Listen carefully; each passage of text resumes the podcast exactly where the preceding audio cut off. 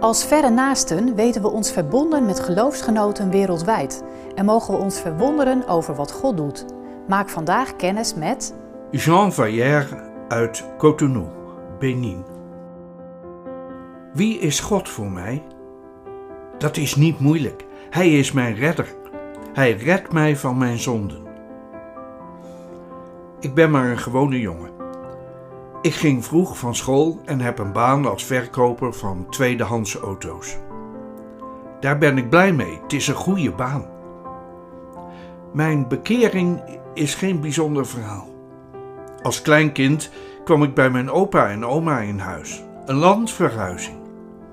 Mijn grootouders woonden in Benin, maar mijn ouders woonden en werkten in Congo. Daar heb ik het heel moeilijk mee gehad. Mijn opa en oma waren christelijke mensen. Zij behoorden tot de eerste gemeenteleden die zich aansloten bij de ERCB in Cotonou. Ik ben christelijk opgevoed. Ik voel me erg thuis in de kerk. Dat is mijn familie. De kerkelijke familie is veel belangrijker dan je gewone familie. God is mijn redder. Dat geeft mij vrede in mijn hart. Zoveel dat mijn collega's dat aan mij merken. Ook in tegenslagen vertrouw ik op God. Dat is het allerbelangrijkste. Prachtig toch wat God wereldwijd doet?